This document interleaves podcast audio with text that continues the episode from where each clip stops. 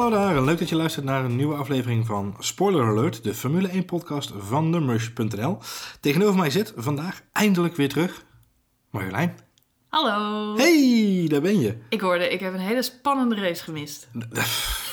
De beste race van het seizoen. Serieus? ik denk oprecht dat jij, jij bent natuurlijk, jij bent de Noordpool op geweest. En ik denk, ik denk dat jij daar, zeg maar, het warmer hebt gehad van, van het geheel, zeg maar, dan dat wij het kregen van deze race. Was het zo ernstig? Het was een ernstige, een ernstige race inderdaad. Het was niet de beste race van het seizoen tot nu toe, zullen we maar zeggen. Ik heb niks gemist.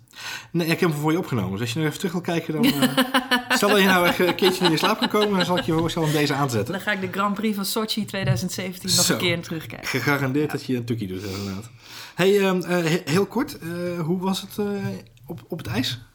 Ja, op het, in de sneeuw, het, in de ijs, het was heel mooi, heel indrukwekkend. Onwijs indrukwekkend. En leuk om te vertellen, het is allemaal gefilmd Ah, voor de televisie. En het komt, als ik het goed begrijp, in november bij de publieke omroep op televisie. In Kijk. een driedelige serie. het is een driedelige documentaire, hè, heb ik me laten vertellen. Ja, Ja. ja. en het gaat over klimaatverandering onder andere. En wat wij als ondernemers daar voor oplossingen voor daar- willen gaan zoeken. En daarom beginnen wij vanaf volgende week met een Formule E-podcast. Ja, inderdaad. Nee, wel leuk. Onze eh, vaste columnist Koen Vergeer, die gaat eh, komend weekend naar Parijs toe om, eh, om daar de Formule E te, Ja. te gaan bekijken. Fantastisch, Dus eh, ik hoop wel dat hij daar nog een mooi eh, verslag van gaat maken. Super cool, super cool. Hey, we zijn wat later dan, eh, dan normaal gesproken naar de race deze keer. Heeft, heeft alles te maken met dat het gewoon ontzettend druk is bij ons. Punt. dus eh, sorry, eh, vaste luisteraars, die mij ook al eh, wat mailtjes en berichtjes hebben gestuurd. Wel dank daarvoor, waardeer ik wel, vind ik leuk. Ehm hey, Marjolein, dus die, jou- jouw, eh, jouw eh, eerste hernieuwde kennismaking met de Formule 1 weer. Ja, het Was- was, natuurlijk sportzondag. Het was Sportzondag. ja. Het was in alle opzichten sportzondag. Dus Ja. voordat we het over de Formule Wa- wa- 1 hebben. Ik werd zondag wakker en ik vertelde het vandaag ook bij ons op de redactie. Hey, het is toch... Nou, één, ik wilde eigenlijk alles zien. Op zo, het was een soort Super Sunday. En dat heb je niet zo vaak op, op, op, op, op, in Nederland. In, in Amerika heb je vaak wedstrijden of dingen die heel groot zijn. En in, ik ben niet een enorme eredivisie-liefhebber of zo. Maar tegen het eind van de competitie vind ik het altijd wel spannend. En hetzelfde geldt voor UEFA Cups en Champions League finales en EK's en WK's. Als het ergens om gaat, dan, dan, dan, eh, dan begint het bloed bij mij wel te koken. Dus ik, maar goed, Formule 1 boven alles. Hè. Ja. Dus, eh, voetbal is leuk, maar eh, hè, je hebt zo de rangorde van sporten. En daar staat Formule 1 natuurlijk nog wel dik op nummer 1. Er stond al gauw vast dat we Formule 1 op het grote scherm, de televisie, zouden gaan kijken. Maar het leek mij heel leuk om dan twee laptops ernaast te zetten. Met Ajax en met Feyenoord. Dus om dan toch ook een beetje die ontknoping en die ontlading in het land eh, mee te maken. We hadden natuurlijk net ook het Eurovisie Songfestival gehad. ook Ja, zo'n ontlading in het land. ik, I live for this shit. Ik vind het gaaf. dus, dus ik wil die wedstrijden kopen. Kan niet. Nee. Echt drama. En ik geloof dat jij de hele ochtend zo'n beetje met de Ja. webcare van, Van Fox Ziggo. en van Ziggo Ja. in, de, in de DM hebt gehangen. Nou, ik moet zeggen, het was wel heel keurig. Ze hebben heel keurig hun best gedaan. Maar wat je gewoon terug zag is, en dat zag je Ze afgelopen kregen zondag het niet voor elkaar. Ze kregen het niet voor elkaar. Eh, uiteindelijk hebben ze heel keurig geprobeerd om nog een, een, een dienst te verlenen. En dat was heel fijn. Alleen, ja, tegelijkertijd met ons hadden nog 3 miljoen mensen volgens mij dit Ik idee. zag op Twitter allemaal mensen die probeerden een dagpas te kopen. Je kon dus wel eh, ja, eh, op je televisie een dagpas kopen. En dan kon je switchen tussen de kanalen. Maar dat kon alleen op je televisie via je Ziggo-box. Ja. Dus op je tablet of op je eh, eh, laptop eh, een, een wedstrijd kopen. Dat kan niet, dat bestaat niet. Nee. En dat vind ik eigenlijk heel gek. Dat vind ik heel gek. Ja, er is daar, er is daar in, het, in het hele systeem is er iets misgegaan uiteindelijk. Volgens mij zijn er een hoop Nederlanders die graag hadden willen betalen. En dat kan dan niet. Nee. Nee, ja, weet je, al, al, en dan hoeven we niet eens naar Ziggo te kijken, want dan is het ook gewoon Fox Sports wat gewoon had kunnen zeggen, hey, we hebben een, een, een portaal waar je eenmalig een dagpas kunt kopen. Maar ik geloof me wel, en er zijn mensen in ons, in ons netwerk die daar vast meer over kunnen vertellen, dat het qua impact op, eh, op de infrastructuur van Fox eh, behoorlijk eh, heftig is. En dat was mijn grootst opvallende moment, dat ik dacht, ik zie zoveel mensen nu klagen over downtime en dingen die niet doen. Dat, dat zou je toch, dat ze hadden het zien, kunnen zien aankomen, zeg maar, dat het eh, nogal populair zou zijn. Zeker het voetballen. Ja, Ik, bedoel, nou dat, dat, eh, ik ben heel trots op dat de NOS het Eurovisie Songfestival heeft kunnen blijven uitzenden. Dat hebben ze goed gedaan. ja, ging bijna plat. Ondanks die, die aanhoudende ging bijna service inderdaad. Ja, en Twitter hield het ook gewoon in de lucht. Dus als Twitter het in de lucht houdt, dan... eh, Daar gaat het allemaal goed komen. Hey, het, het- goed, het was, Formule het- 1. We Formule konden 1, onze volledige focus op de Formule 1 leggen. want, Gelukkig. Een soort van gedurende daar, 20 was het, daar was het toch uiteindelijk het spannendst. Want in de voetbal gebeurden natuurlijk geen onverwachte dingen. Nee, gelukkig niet. Dat, eh, Bij de Formule 1 wel, helaas al in de eerste bocht. Ja. ja, we hebben gedurende 20 seconden echt heel geconcentreerd gekeken. Ehm, hey, de- ik zei hey, nu de kennismaking was een beetje een bruggetje naar het feit dat er eh, eh, in aanloop naar de races genoeg gesleuteld is aan de auto's. Mhm. Ehm, jij hebt wat meer ervaring op het gebied van Formule 1 dan ik. Gebeurt dat vaker? Dat de mensen zo die auto nog compleet omgooien, zou ik bijna willen zeggen. Want ze zeiden bij Red Bull, zeiden ze gewoon, dit is bijna de, de Red Bull 14. Zoveel hebben ze aangepast aan de vleugels en aan de intakes en aan de sideskirts en weet ik wat er allemaal aan te modificeren valt. Gebeurt, is dat iets wat vaker gebeurt? Zo, eh, zo vroeg het, al? het gebeurt wel vaker, vooral als de teams naar Europa komen. En dat is nu- natuurlijk. Ze hebben de ver weg races voor nu gehad. Nu zijn er twee Grand Prix achter elkaar in Europa. Dan liggen de fabrieken waar de meeste teams vandaan komen, Engeland of, eh, of Italië, of waar dan- die ligt dichterbij. Dus, dus ja, de update kan, kan nu worden uitgevoerd. Dat is wat lastiger als je in Australië zit met, Ja. eh, met de hele bubs. Ehm, dus, dus dat. En ja, het gebeurt wel vaker natuurlijk. En ik, ik weet dat ze het bij Red Bull ook al gezegd hebben aan het begin van het seizoen. We hebben gewoon een soort prototype. Daarmee gaan we de eerste paar races. En dan gaan we kijken wat hij doet. En eh testen resultaat. Je moet niet vergeten dat voor het, begin van het, voor het begin van dit seizoen... daar hebben we het in de eerste podcast ook over gehad... hebben ze eigenlijk maar twee testweken gehad. Ja. Dat is heel kort om zo'n auto te leren kennen. Nu hebben ze vijf races gereden. Dus nu heb je veel meer data om... eh, Maar is dat helemaal gereguleerd vanuit, de- vanuit de, de organisatie? Dat, is- dat zijn echt de enige twee weekenden dat die auto's op een circuit rijden. De rest van de tijd staan ze in de windtunnel. Eh, ze hebben zelf soms een testcircuit Exact. waarop ze rijden. En ehm, de rijkere teams hebben dat sowieso wel. En wat jij zegt, de windtunnel en de simulator. En dat we- weegt natuurlijk allemaal mee. En Ja. dat helpt allemaal mee. Eh, maar het is niet ongebruikelijk dat er, dat er op een paar vaste punten in het jaar... en vaak is dat als ze naar Europa komen... en, of, en dus al nog in de zomer heb je ook een wat langere zomerstop... Ja. dan wordt er ook vaak het nodige geüpdate. Ehm, ja, en de- ze hebben natuurlijk meer data, dus ze kunnen Ja. nu gaan tweaken. Ja. En voor sommige teams pakt dat heel goed uit, voor andere. Ja, nou ja, goed. Dat, eh, en- en, wat ik de meest opvallende vond, ik heb er eentje uitgepikt die, ik- die ik eh, ook, ook al even aan jou liet, eh, liet zien net in de voorbespreking, is de, het, het aangepaste starthendeltje van Ferrari. En dat, vind ik, dat is voor mij de, de, de, bijna de personificatie in de vorm van een starthendeltje. En Vettel had hem wel en Raikkonen En had hem niet. niet. Nou, dat Ja. was ook terug te zien in de race. Ehm, eh, dat, maar de, de positionering van de, de, de, de versnellingspook achter op het stuurtje, of de, Mhm. de, de pedals, die hebben ze iets aangepast, waardoor het iets beter in de handen ligt van, eh, van de driver. Waardoor je nog sneller kan opschakelen en nog sneller kan wegtrekken. Het grappige is, Mercedes heeft het al sinds het begin van het seizoen. Ferrari heeft hem nu gekopieerd. En het Vettel wel, Rijkonen niet. Nou, wie knalt er afgelopen zo- zondag Ja, eh, ik gelijk eh, zeggen, Vettel die pakt gelijk de leiding. Dus Exact. Eh, goed hendeltje. ja, Ik wil hem ook. ik zou willen zeggen, he handled it well. Ja, Wat, eh, dat werkte. Hey, ehm, eh, kwalificaties wil ik eigenlijk, daar gaan we het niet eens over hebben. Want, want eh, Barcelona, thuiscircuit van, eh, van eh, eh, Sainz en Alonso. Ja. Zagen veel, eh, veel Spaanse supporters op de tribunes. Nou, in elk geval Alonso. Die werd wel echt als een volksheld ontvangen. Ja, en, er- eh, er was, een, er was een, eh, een, een Carlos Sainz tribune dit jaar. Bedoel, Ja? Ja, oh, wat ja. goed. Wat Ik zag op. laatst dat er een Fernando Alonso museum is in Spanje. Oh ja. Ik weet niet waar het precies is. Het zou kunnen dat het in Barcelona zit. Ik weet het eigenlijk niet. Maar ik zag hele mooie foto's voorbij. Toen dacht ik, mijn god, die gast die rijdt gewoon Formule rijdt 1. toch, ja. Maar er is al een museum voor. hem. Ja. Zo- Zo'n held is het dus. Nou ja, goed, dat, ik, moet, ik moet even terugdenken aan het, het bronzen standbeeld van Cristiano Ronaldo... wat twee, drie weken geleden Ja, werd je onthuld. kunt ook op mindere manieren Je worden kunt- geëerd. Je kunt ook, dat is ook voor het Cristiano Ronaldo Museum. Dus ik bedoel... Giovanni van Bronckhorst krijgt er nu ook een. Hè? Oh, mijn Tot zover deze aflevering van Spoilerclub. Hey, ehm, ehm, Goed. Ik, heb- ik zou liever een museum hebben dan een standbeeld. Ja, En dat dus, dat is wel iets waar Alonso trots op mag zijn. En wat ik ook heel erg leuk vond, hij deed het natuurlijk ontzettend goed in de kwalificatie. Ja. Eindelijk, eindelijk. Zevende tijd, supergoed. Eindelijk ook bij de laatste tien, zeg Ja, maar. Dat was ja. natuurlijk, iedereen was steeds bij, oeh, Alonso zit er nog bij. Dat was een beetje de, de winst van, eh, van de kwalificatie. En wat heel tof was, ze hadden een nieuw format. Ehm, je kunt echt merken dat Liberty Media nu de Formule 1 heeft overgenomen. Ja. Dus er waren twee momenten waarop je dat goed kon zien dit weekend. Eén was de kwalificatie van Alonso. De nummers 1, 2 en 3 werden geïnterviewd op de grid. Dat was nieuw. Dus Ja. in plaats van dat ze naar een saaie persruimte werden gehaald... liepen ze even de startgrid op voor de hoofdtribune. Mochten ze even eh, vertellen hoe de kwalificatie was verlopen. En toen de eerste de koplopers klaar waren... toen werd Alonso er even bijgetrokken voor zijn eigen thuispubliek... om ook nog even te... om er even een woordje te Ja, om ook nog even een woordje. Heel informeel. En nou, echt Tien jaar geleden ondenkbaar. Ja. Want het is niet het protocol. En. Formule 1 houdt- hangt natuurlijk van protocol en alles aan elkaar. Nou ja, Olaf Mol zei het al, het komt een beetje uit de NASCAR en de Indy. Ja, natuurlijk het is, het is allemaal al, wat, wat eh, losser. En ik denk dat het heel erg... Dat, dat Lewis Hamilton, die natuurlijk een soort halve Amerikaan eh, is met al zijn swagger... dit een hele goede ontwikkeling vindt. Want het past veel meer in, in deze tijd. En het is bekend, Bernie Ecclestone had een broertje dood aan social media... en eigenlijk internet en alles wat een beetje los. En die was heel erg van de oude stempel. Eigenlijk alles waar hij geen geld aan kon verdienen. Exact. Ja.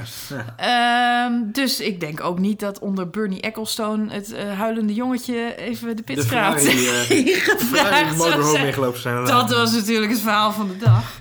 Waar iedereen echt nog de hele maandag en de hele dinsdag volgens mij verhalen over geschreven heeft. Het Franse jongetje Ja. wat in tranen Oh, uitbarstte. het was een Frans jongetje ook. Ja, Frans jongetje, ja. Frans eh, uit Amiens, als ik het goed heb gelezen. Heel goed.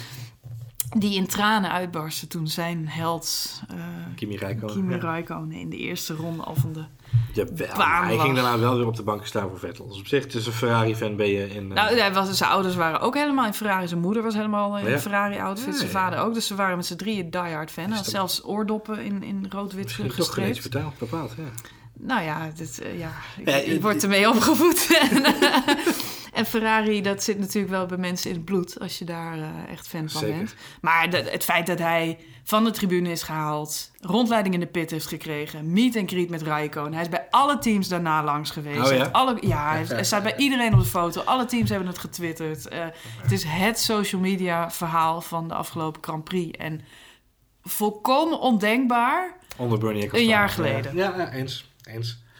Nou ja, dat is wel waar. Dat is wel waar. Hey, en dus zijn ze Alonso de twee Spanjaarden? Nou, jij zei het al. eh, Alonso deed het fantastisch. Ze haalde gewoon Q3 eh, Thuis Grand P7. Prix zijn altijd, geven altijd een extra smaakje Ja. aan, aan zo'n race. Voor Sainz was het wat minder prettig inderdaad. Ja. Die, die ging gewoon in Q1 eruit. Maar die maakte dat op de race wel heel erg goed. Komen we zo nog even op terug Ja. inderdaad. Want die, die, heeft dat gaat wel, die had de, de vlam in de pan. Hey, het hendeltje van Ferrari. de, de tovertruc van Vettel. Pakt gewoon Hamilton voor, die, Mhm. Voor die eerste. Wat een vlam, joh. Niet normaal. Ja, dat deed hij hartstikke goed. Maar ik moet eerlijk zeggen dat ik bij de start altijd, altijd maar naar één auto aan het Toch, kijken ja, ben. toch wel. Ja. En dat is, komt Max goed weg. En dat is altijd van voren nog moeilijk te zien. Maar Ja. hij kwam heel goed weg. En dan zit je op het puntje van je stoel. En ik moet zeggen, vroeger was je altijd heel zenuwachtig bij de start. Want dan ging heel vaak iets mis. Ja. En we zijn een beetje verwend geraakt, denk ik. Want de laatste, nou, het laatste jaar, laatste seizoen, in elk geval dit seizoen, gaat eigenlijk nooit iets mis. Max komt altijd keurig door die eerste bocht. Laatste grote incident wat ik heb gezien net was eigenlijk vorig jaar Hamilton en eh, Rosberg. Die, die in de tweede bocht van de Grand Prix van Spanje met Mhm. elkaar van de baan afvliegen. Ja. Als koplopers, hè? Ik heb het nu echt... Dus het Ja, achterveld, precies. daar gebeuren wel, daar gebeuren ja. wel eens dingen. Maar dat, dat, er, dat er een domme fout aan het begin aan, in de kopgroep is, dat is vrij uniek. Nou, vorig jaar gebeurde dat met als gevolg dat Max Verstappen de race kon winnen. Ja. Iedereen zat dit weekend klaar voor, want dit, was, dit had natuurlijk zijn eh, prolongatie van zijn succes kunnen worden. Dan weet je eigenlijk van tevoren al dat dat sowieso niet gaat gebeuren. En dat bleek ook zo, want hij klapte gewoon af. ja. En dat, eh, ja, dat was achter. eh, Ik zat natuurlijk te vloeken, want ik dacht aanvankelijk dat het Rijkonen zijn schuld was. Bleek Iedereen niet- zat te vloeken. want iedereen dat het Rijkonen ja, zijn schuld maar was. dat bleek dus niet het geval. Want eh, Bottas die, eh, ja, die stuurde iets te. Iets, het was gewoon een kettingreactie. Bottas die zat iets te breed. Rijkonen die kon geen kant op. En eh We moesten één fin, Verstappen was het haasje. fin verder kijken inderdaad. ja, Ja. ja. Nou ja, het is, het is, een, eh, het is een race accident zoals En uiteindelijk zijn ze geen van drieën gefinished. Dus ja. Ja, dat, dat is een soort van eh, poetic justice misschien wel inderdaad, ja. Nou ja, wat, wat me opvalt is dat... Wat, wat, ik, wat ik noteerde op dat moment bij de race is dat ik het opvallend vond hoe coulant de raceleiding was. Want op dat moment gebeurden er wel meer dingen in die eerste bocht. Ik pak heel even mijn, mijn, erbij. Want eh, Kimi, Verstappen en Bottas gaan eh, elkaar aan de haal inderdaad. Bottas heeft daar volgens zowel Kimi, Räikkönen als volgens Verstappen nog genoeg ruimte. De wedstrijdleiding zegt, "Boah, we zien geen reden om dat verder te onderzoeken. Oké, nou, dat is het punt van discussie. Maar even later zien we ook Alonso en Massa een paar meter verderop met elkaar in de clinch raken. eh, waar ze ook verder geen, geen onderzoek naar doen. Eh, en nog een ander incidentje wat ik nu even niet meer... Volgens mij Magnussen en eh, Palmer of zo, die ook met elkaar aan de clinch raken. En de raceleiding was super coulant in die eerste ronde. Op zich vind ik dat wel goed hoor. Want het is ook racen. Mhm. En you win some, you lose some. En het is me al vaker opgevallen dat Max ontzettend veel risico neemt door buitenom te gaan. Hm. Dat weet hij, omdat hij als geen ander die baan continu aan het onderzoeken is. Dus hij weet precies waar hij moet gaan rijden. Hij gaat vaak buitenom. Nou, dat is heel mooi. Maar het heeft ook ja, als nadelig gevolg dat als er twee in je binnenbocht zitten en die, die sturen breed, waardoor Ja. jij niet op de baan kan blijven, ja, dan ben je het haasje. En dat, eh, en dat gebeurde niet. Dus, dus je kunt ook wel stellen dat Max gewoon altijd ontzettend veel risico neemt en steeds goed weg is gekomen. Ja. En nu is, het, nu is het een keer misgegaan. Ik vond het grappig dat, dat iedere eh, analist na afloop zei... ja, drie door een bocht, dan gaat er eentje vanaf, zeiden ze. Ja. Eh, minimaal. Eh, en wat ik grappig vond, is dat Verstappen bleef volhouden. Nou ja, als Bottas gewoon zijn lijn had gehouden... hadden we met z'n allen keurig door die bocht heen gekomen. Er is niks aan de hand geweest. En was ik derde geweest. En, En dat is ook. Dat, ik geloof Max eerder dan die Nou, analisten. dat is ook. Al die afgelopen races is dat zo. Daarom zeg ik, ik vond het al bijna niet meer spannend. Want die eerste bocht komt eigenlijk de kopgroep altijd wel goed doorheen. Ja.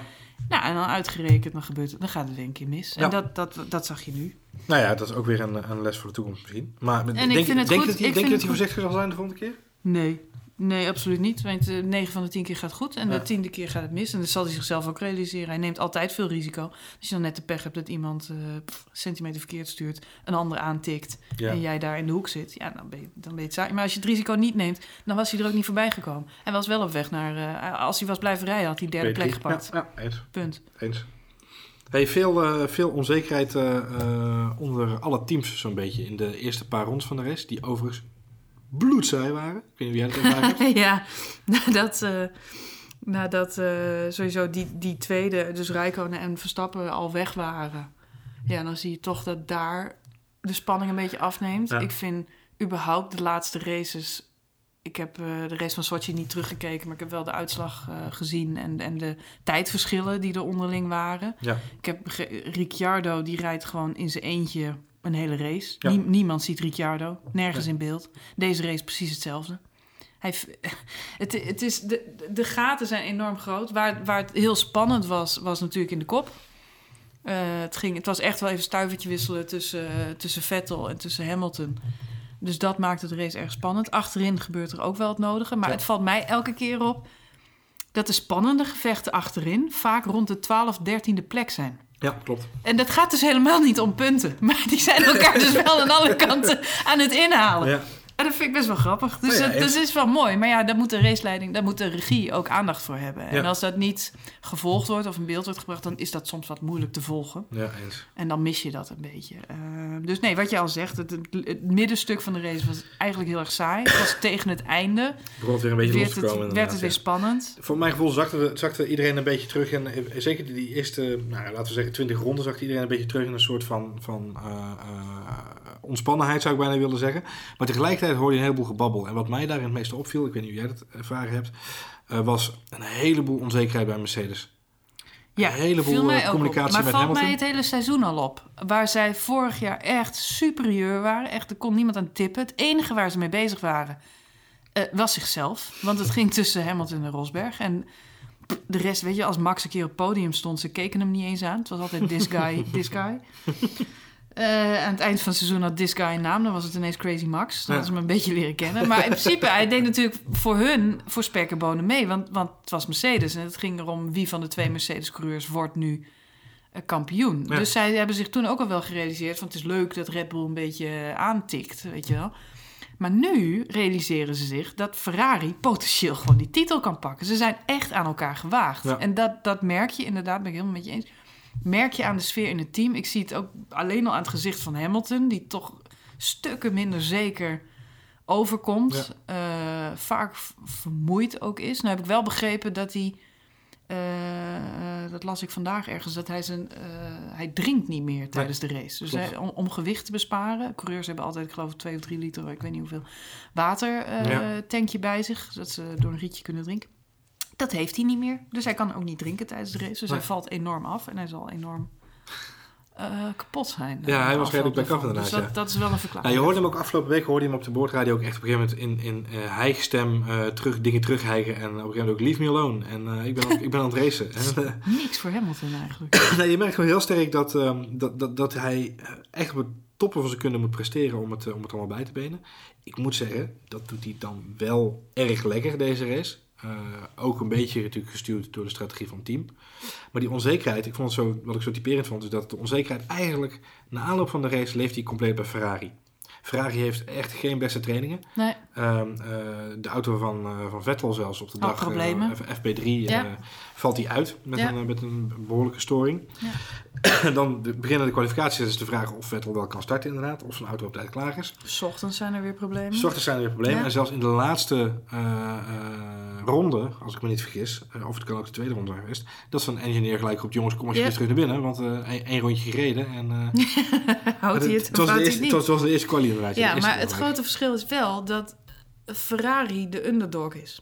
En het is altijd makkelijker spelen vanuit die positie. Ja. Eh, Mercedes heeft iets te verliezen, Ferrari heeft iets te winnen.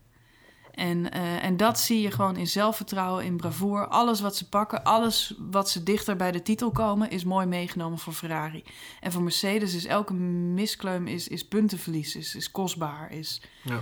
en, en, en die zijn aan het proberen hun zaak te beschermen, waar Ferrari gewoon territorium probeert uit te breiden. Uit te breiden. En dat, dat merk je, vind ik wel heel erg. Ik vond, ik vond het meest frappante moment in de race, dat was de tweede pitstop van Vettel. En het viel mij heel erg op, het was bloedspannend. En Olaf Mol die ging ook helemaal door het dak. Gaat hij het halen, gaat hij het halen, gaat hij het halen. Dat was ook echt zo'n puntje van de bank moment. Want Hamilton had er gewoon makkelijk omheen gekund. Maar dat deed hij niet. Hij liet Vettel voorgaan. Ja. En ik dacht, dat is raar. Maar hij liet hem niet staan. Hij had hem, hij had hem kunnen laten staan, zijn auto. Dan hadden ze, dan hadden ze het nog veel Ze spannender hadden geworden. kunnen wheelbangen, ze Ja. hadden echt samen af kunnen gaan. Ze hadden van alles kunnen Ja. doen. In een later stadium van het seizoen was dat zeker gebeurd. Uh, vorig jaar, de laatste Grand Prix van het jaar... als je Lewis Hamilton over de boordradio hoorde schreeuwen... Zo, I'm losing the World Championship. Die gast die was bloedemotioneel. Die ging helemaal door het lint. En nu dacht hij gewoon, nou, weet je, ik laat hem even voorgaan, want eh, het komt nog wel goed. Ja. Dat is ook zelfvertrouwen uiteindelijk Ja. in de strategie. Waar ze ontzettend mazzel mee hebben gehad, trouwens. Hebben ze achteraf eh, ook toegegeven. Ja. Ehm, maar Hamilton heeft achteraf ook, eh, ook gezegd, ik heb Vettel daar ruimte gegeven. Ja. Ja, dat was een type heerlijke interview inderdaad. I gave you some space there. En Vettel zegt, ja, me too. Op Hamilton eh, mompelde, no you didn't. Nee, en dat, dat was ook, maar ik vond het wel opmerkelijk dat Ik- hij dat deed. Eh, Ik wacht, ik wacht met alle... En, Vettel was er dit keer weer heel dichtbij. We hebben Ja, twee enorm snelle grasmaaiers gezien deze, Ja. deze race. De ene Ja. was net iets meer grasmaaier dan de andere. pitstop, pitstop. Het, het hing allemaal op de pitstop. En eh Toto Wolff heeft na afloop verklaard... hij zegt, we hebben de race gewonnen... eh, dankzij de virtual safety car... Hm. die in de 33ste ronde in het veld kwam... eh, na de, eh, het uitvallen van Stoffen van Doornen. Stoffel Doornen, ja. Die ook weer niet... Maar goed, ja. Nee, en iedereen weet, virtual safety car is het ideale moment om een pitstop te maken. Maar het gevaar was dat zij zouden gaan pitten en dat Vettel de ronde daarna Zou komen. ja. Dus Ja. ze hebben het risico genomen zo lang, zo lang, zo lang mogelijk te wachten. Tot de 36e ronde. En toen werd bekend, virtual safety car gaat eruit. En toen is Lewis Hamilton naar binnen gedoken Ja. en heeft hij zijn pitstop gemaakt. Ja, te laat voor Vettel om nog eh, Om erop aan te haken. En dat heeft er uiteindelijk voor gezorgd. eh, dat heeft hem gewoon ontzettend veel seconden opgeleverd. Want met een normale pitstop in de race. Pitstoppen zijn enorm kostbaar. Het kost je zo 20 seconden. Ja, ja. Onder virtual safety car rijdt iedereen langzamer. Kost het je misschien maar 12 seconden. Nou, die 8 seconden is precies het verschil wat hij aan het eind van de rit nodig had. Om vlak achter Vettel weer die baan op te komen. Ja. Hij had op dat moment betere banden. Hij had andere banden dan Vettel.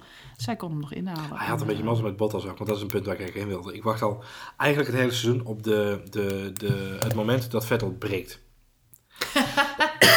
Ik, ben, ik ben serieus. Ik, denk- ik denk serieus. Je zit op deze- anger management Vettel te wachten. ik denk serieus. Ik denk dat Vettel echt al een... Die heeft een heel goed gesprek gehad met zijn personal coach. Die heeft, eh, eh, misschien heeft hij Headspace geïnstalleerd op zijn telefoon. Is hij gaan mediteren. Hij is een mindful driver. ik denk dat het een mindful driver is inderdaad. Ik moet al denken aan Grosjean. Grosjean die ging ook... die- Dat, die was op een gegeven moment helemaal... die gaat er prat op dat hij naar de psycholoog gaat. Exact. Dat is de enige die, die direct Ja, de, e- de enige Formule 1-coureur die ervoor uitkomt, Ja. dat hij een mental coach heeft. Exact. En dat zou me niet verbazen als Vettel in ieder geval ergens in de, in de afgelopen wintermaanden een, eh, een, sessietje links of rechts heeft gevolgd. Maar ik zit echt op te wachten op het moment Of dat... hij heeft een nieuwe vriendin, hè? dat kan ook. Nou, dat is zijn auto, hè? Hij praat altijd over she, she. Eh, Dus ehm, ehm, eh, goed, tot zover het huwelijk van Sebastian Vettel. Maar ehm, eh, ik, ik zit nog steeds wachten op het breekpunt. Dat hij, gewoon, dat, hij, dat hij wel door het lint heen gaat. en deze race was het weer zo'n momentje dat ik dacht... Oké, als Bottas nu echt inderdaad nog meer op de rem gaat trappen... En nog, want Bottas zat hem te, zat hem te stollen. Zo simpel was het. mm, Bottas zat hem in die... In, eh, volgens mij was het rond dezezelfde Mhm. breekpunt. En hij geeft het inderdaad, hij gooit hem van links naar rechts, hij gooit hem over die grasbaan heen. met 330 km per uur, even zo over, de, over de, de, van de baan af, een stuk in het gras met twee wielen. Holy crap, ik dacht echt, als hij hem houdt, ja, dat, hij hield hem natuurlijk. Het is een fantastische manoeuvre, het zag er fantastisch uit op tv. Maar het was wel zo'n typisch momentje waar ik dacht, ja, zie je, het zit ergens nog onder zo'n laagje mooie regenboogkleurige Vettel. Ja. Zit er nog een Darth Vader, zeg maar. Nou goed, daar komt het tot nu. Ik snap wat je, wat je, waar je heen wil. En misschien, eh, misschien gaan we nog wel zien. Maar vooralsnog heeft hij gewoon de mazzel dat hij echt een goede auto heeft. Zeker. En je kunt hoog-laag springen, maar Mercedes en Ferrari maken gewoon de dienst uit. En het zou te gek zijn als daar een derde team bij kwam. Maar Ja. Red Bull, nowhere near. En je ziet Mm. ook de frustratie in, eh, in de ogen van Max na afloop. Eh Ricciardo heb ik voor de race nog een interview zien geven. Die zei ongeveer hetzelfde. Die zegt, ja, die, die zette ook de deur gewoon wagenwijd open naar een eventueel vertrek Ja. bij Red Bull. Ja. Want hij zegt, ja, voor Max en mij geldt allebei. We willen gewoon races winnen. En op dit moment kan dat niet. Met deze auto kan dat niet. Dus die jongens zijn allebei best wel gefrustreerd. Ja.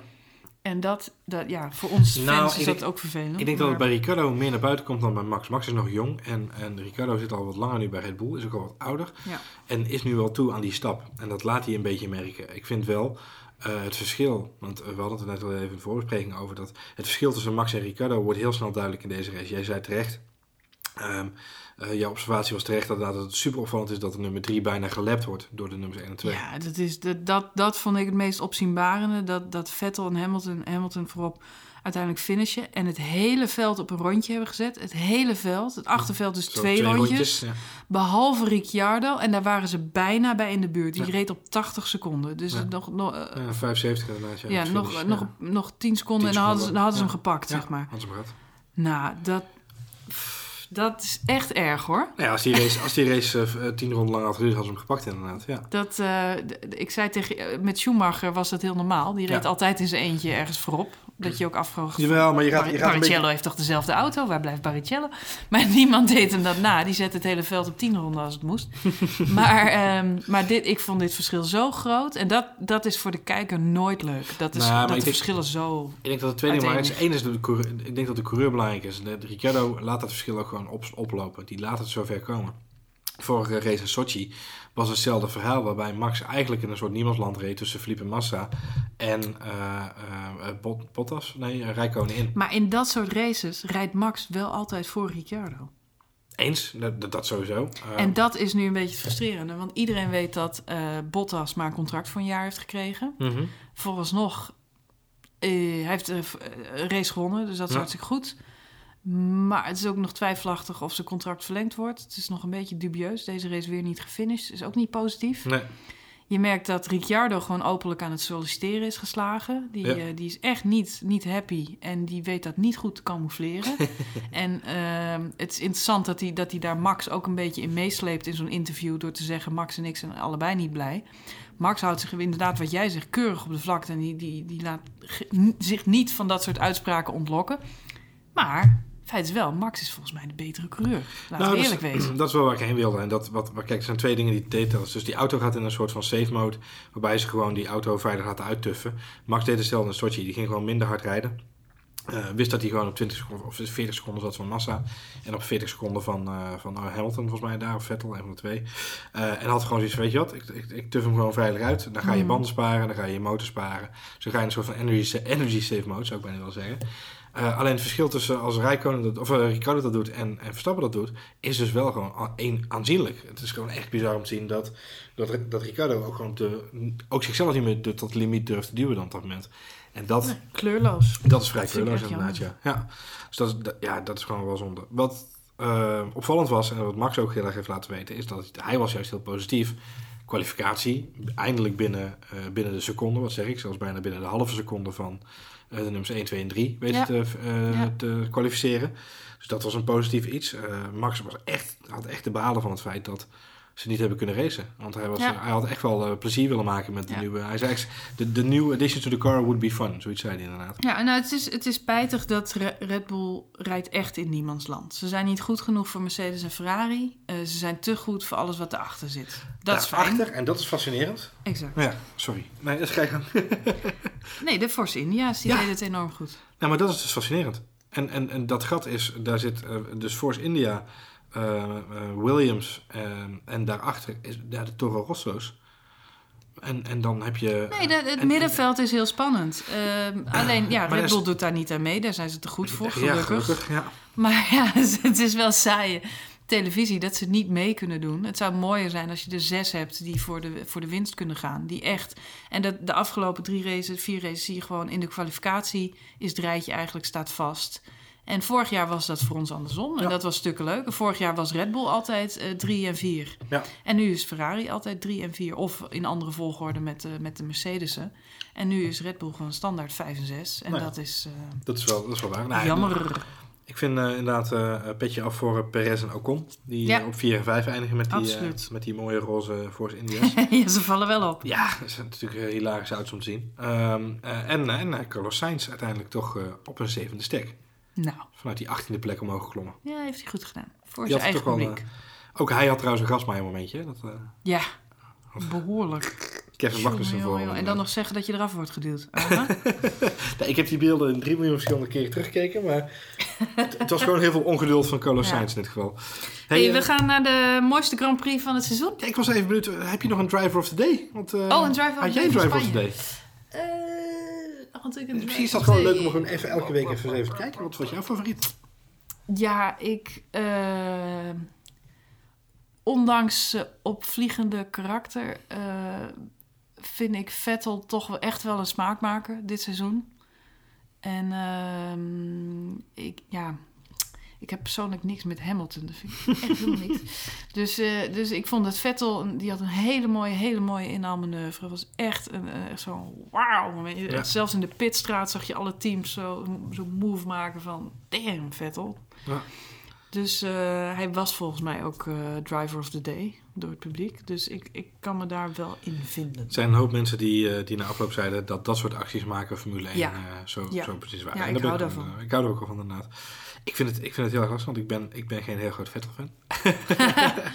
dus dat scheelt. Daar vullen we Nee, elkaar eh, nee ik ben in, ook eh, in geen groot persoonlijk fan van hem, maar ik vind hem qua rijstijl. Hij neemt risico, hij is een beetje rauw en ik, ik hou er wel van. Hij is dit, dit is een van de meest opvallende rijders. Heel simpel gezegd. Ik, vind, ik vond Hamilton, eh, jij vindt hem te clean en eh, te saai, ik weet het. Maar hij heeft echt wel laten zien dat hij van, ex, van buitengewone klasse is. Maar ik vind het te makkelijk om hem driver the day te noemen. En ik vind dan toch stiekem Carlos Sainz wel heel erg grappig. Dat hij zo... Ja, dan, maar dan ga ik voor Alonso. Want eh, Ja, ik, geloof, oké. ik geloof dat ik het ook nog op, eh, Plek op Twitter 12. heb gezet. Ja. Ik zag hem daar rondrijden na afloop en hij had ergens een Spaanse vlag opgepikt. Hoe hij dat gedaan had, ik zit me dat dan af te vragen. Heeft hij die al die tijd al in zijn auto Ja, zijn zitten? borstzakje. Ja. Ja, serieus. Dat is allemaal gewicht, jongen. Moet je dat nou al die tijd meenemen? Maar hij, zei, hij rijdt in die auto met een Spaanse vlag uit het... En dan, dan moet ik altijd denken aan vroeger. eh, ja, dan zag je dat wel vaker. Dat coureurs zo- zo'n vlag eh, ineens uit de auto hadden wapperen. Of dat er nog iemand gestrand was in de laatste ronde. En die ging dan bij een andere auto op de, op de, op de, op de, motorkap zitten, Ja, ja, nou niet op de motorkap, maar achterop zitten. Ja. Dan kreeg je even een lift naar de pitstraat. Nou, dat heb je geloof ik al tien jaar niet meer gezien. Volgens mij mag dat helemaal niet meer. Maar, ehm, maar dat, eh, of ineens iemand die donuts begon te draaien op het circuit... gewoon om het publiek nog even te vermaken. En, en ik zag hem rijden met die vlag en toen dacht ik... ja, dat vind ik mooi. En dat deed me ook een beetje denken aan Alesi. Dat was vroeger ook zo'n anti-held. Ja. Die gast die won nooit wat. Maar eh, hij heeft één keer gewonnen trouwens. Maar in principe won hij nooit wat. Maar hij was wel altijd publiekslieveling. Ja. Weet je? En dat, dat vind ik met Alonso dit seizoen ook. Iedereen had hem een betere auto gegund. Ja. Iedereen. En eh, ja, op zo'n thuis Grand Prix toch een, eh, een, eh, een goede prestatie neerzetten. Eindelijk eens een keer na al die pech van de afgelopen tijd. Ja, dat verdient ook een Eens, compliment. eens. En, En laten we- eh, ja, ja. hij gaat nu eh Indy rijden. Ja, ik wil zeggen, laten we Rijkoon nog complimenteren voor het feit dat hij zijn zonnebril af had gedaan voor het jongetje in de... Oh, echt waar? Had hij dat? Rijkonen zonder zonnebril. En het schijnt dat het jongetje... Hij schijnt zelfs drie, meer dan drie woorden te hebben gesproken. Maar nog steeds met zijn Donald Duck stemmetje. Ja. ja, hij gaat naar... naar ja, Alonso gaat naar... eh, Ja, Alonso gaat naar de IndyCar. En hij zei zelfs dat, eh, dat het oefenen op een oval... want hij heeft blijkbaar wel goed geoefend inmiddels... dat ook wel nodig. dat dat hem ook weer nieuwe technieken had bijgebracht voor Formule 1. dus dat had misschien er wel voor gezorgd dat, dat hij zo'n goed weekend had. Zijn donuts worden misschien nog wel Ja, beter. maar hij, had er super veel zin in om de Indy te gaan rijden. En dat betekent dat we eh, volgende race, over twee weken in Monaco... eh Jensen Button weer terug gaan zien. En die zag ik eh, afgelopen weekend op een foto langskomen. Die is onherkenbaar, joh. Die is, af, een soort wielrenner geworden. Ja, die is heel mager en skinny. En beetje uitgemergeld, Ja. sportief. Ze hebben daar nog een, zo'n grap over proberen te maken, maar die gast die is echt eh, afgetraind tot en met inderdaad. Ja. Ja, ja, je moet er vandaag. Ik was meer fan van de, de oude, gezonde Button. Van de button met een laagje. Ja, Ik hou niet zo van wielrenners. Maar eh, ja hem Button, er iets ongezonder uitzien, ja. Button doet die Ironman, eh Ja, dus zoveel klopt. kilometer fietsen, zoveel kilometer zwemmen, zoveel kilometer heel uitgemergeld. Maar ehm, misschien heeft dat zijn nut. Als hij, misschien blijkt hij ineens beter te zijn dan ooit. Nou ja, hij kan in ieder geval op zo'n jacht kan hij heel veel dienen als een soort eh, vlaggenstok. ja. Ja, En hij mag- hij maar mag- laten we eerlijk zijn, Button gaat toch helemaal niks doen in die hele race. Even, Het zou me niet verbazen. Het- Ten eerste, hopelijk houdt hij hem op de baan. ja. Het is Monaco, hè? Het is Ja, niet ja, zomaar ja. even een... eh, een eh, Nou ja, dat, nou, dat is wel een goede race om het te doen. Want de, de auto's kunnen daar gewoon natuurlijk veel minder hard. Dus iedereen Hmm. zegt, eh, die auto's zijn dit jaar veel heftiger geworden. Daar moet je echt voor trainen. Nou ja, Button heeft getraind. Ik weet alleen niet of hij de juiste spiergroepen heeft getraind om die auto op de baan te houden. Maar Monaco is een stuk langzamer dan, eh, dan, dan een gemiddeld ander Ja, eh, circuit. Dus dat is goed te doen. Hij heeft eh, veel ervaring. Monaco is natuurlijk... circuit bij uitstek om, om foutjes om te maken. maken, ja. Dat weet eh, Max Verstappen maar al te goed. Dus ik hoop dat hij eh, veel geoefend heeft afgelopen Eh, jaar. Nee, ik denk, hij is niet voor niks gaan wonen. Ik bedoel, hij kan Ja, op de hij kan hem elke dag, kan hem elke dag doen. Maar ja, la- laten we het hopen. Dan gaat, de, de rookies die hebben het altijd lastig daar. Ja. Omdat de vangrail gewoon ontzettend dicht op de baan staat. Ja. Er is geen ruimte voor een foutje. Ik heb er wel heel erg veel zin in. Ja, ik vind Monaco altijd leuk. Maar het is ook meer om de sfeer die eromheen hangt. En ja, vorig jaar eh, Hamilton die won daar. En er staat Justin Bieber daar bij de finish. Het is ook een beetje glitter en glamour. Ja, en het- klopt. maar dat is wel het charmante van Formule 1. En ik, er zijn al steeds minder Europese Grand Prix. Dat is heel jammer, vind ik. Want daar ligt toch een heel groot deel van de historie van de sport. En ik snap het anderzijds ook wel, want we hebben een paar hele mooie nieuwsquiz ervoor teruggekregen. Maar het zou leuk zijn als het een beetje 50-50 verdeeld blijft. Ja. Een beetje nostalgie, zoals Monaco. Eens. En een beetje hele mooie, nieuwe, moderne, futuristische racecircuits. Precies. En dan voorlopig nog geen elektrische motors in de auto. Wacht daar nog maar even mee. Nou, als ze lawaai gaan maken, Dat is prima. zoals een, zoals een gewone V8, dan mag het. Dan mag het wel, inderdaad. Hey, volgens mij hebben we hem erop staan voor nu. En eh, gaan we lekker met z'n allen vooruit kijken naar Monaco. Ja, superleuk. Ik, ik heb er in ieder geval erg veel zin. in. Ehm, mocht je wat willen vragen aan Marjolein of eh, nog opmerkingen hebben naar aanleiding van deze podcast, dan kun je Marjolein het best bereiken via de Twitters. Dat kan via En Marjolein. Heel goed. Eh, mocht je nog wat tegen mij willen zeggen, dat kan ik me ook heel goed voorstellen na al dit hoer, dan kan het via Johan Voets. En eh, eh, mocht je nummers willen volgen, op de hoogte willen blijven van het laatste nieuws op het gebied van Formule 1 en of technologische innovatie, dan volg je @numrush of je kijkt met ons mee op Facebook op facebook.com/numrush. En voor nu, tot de volgende keer.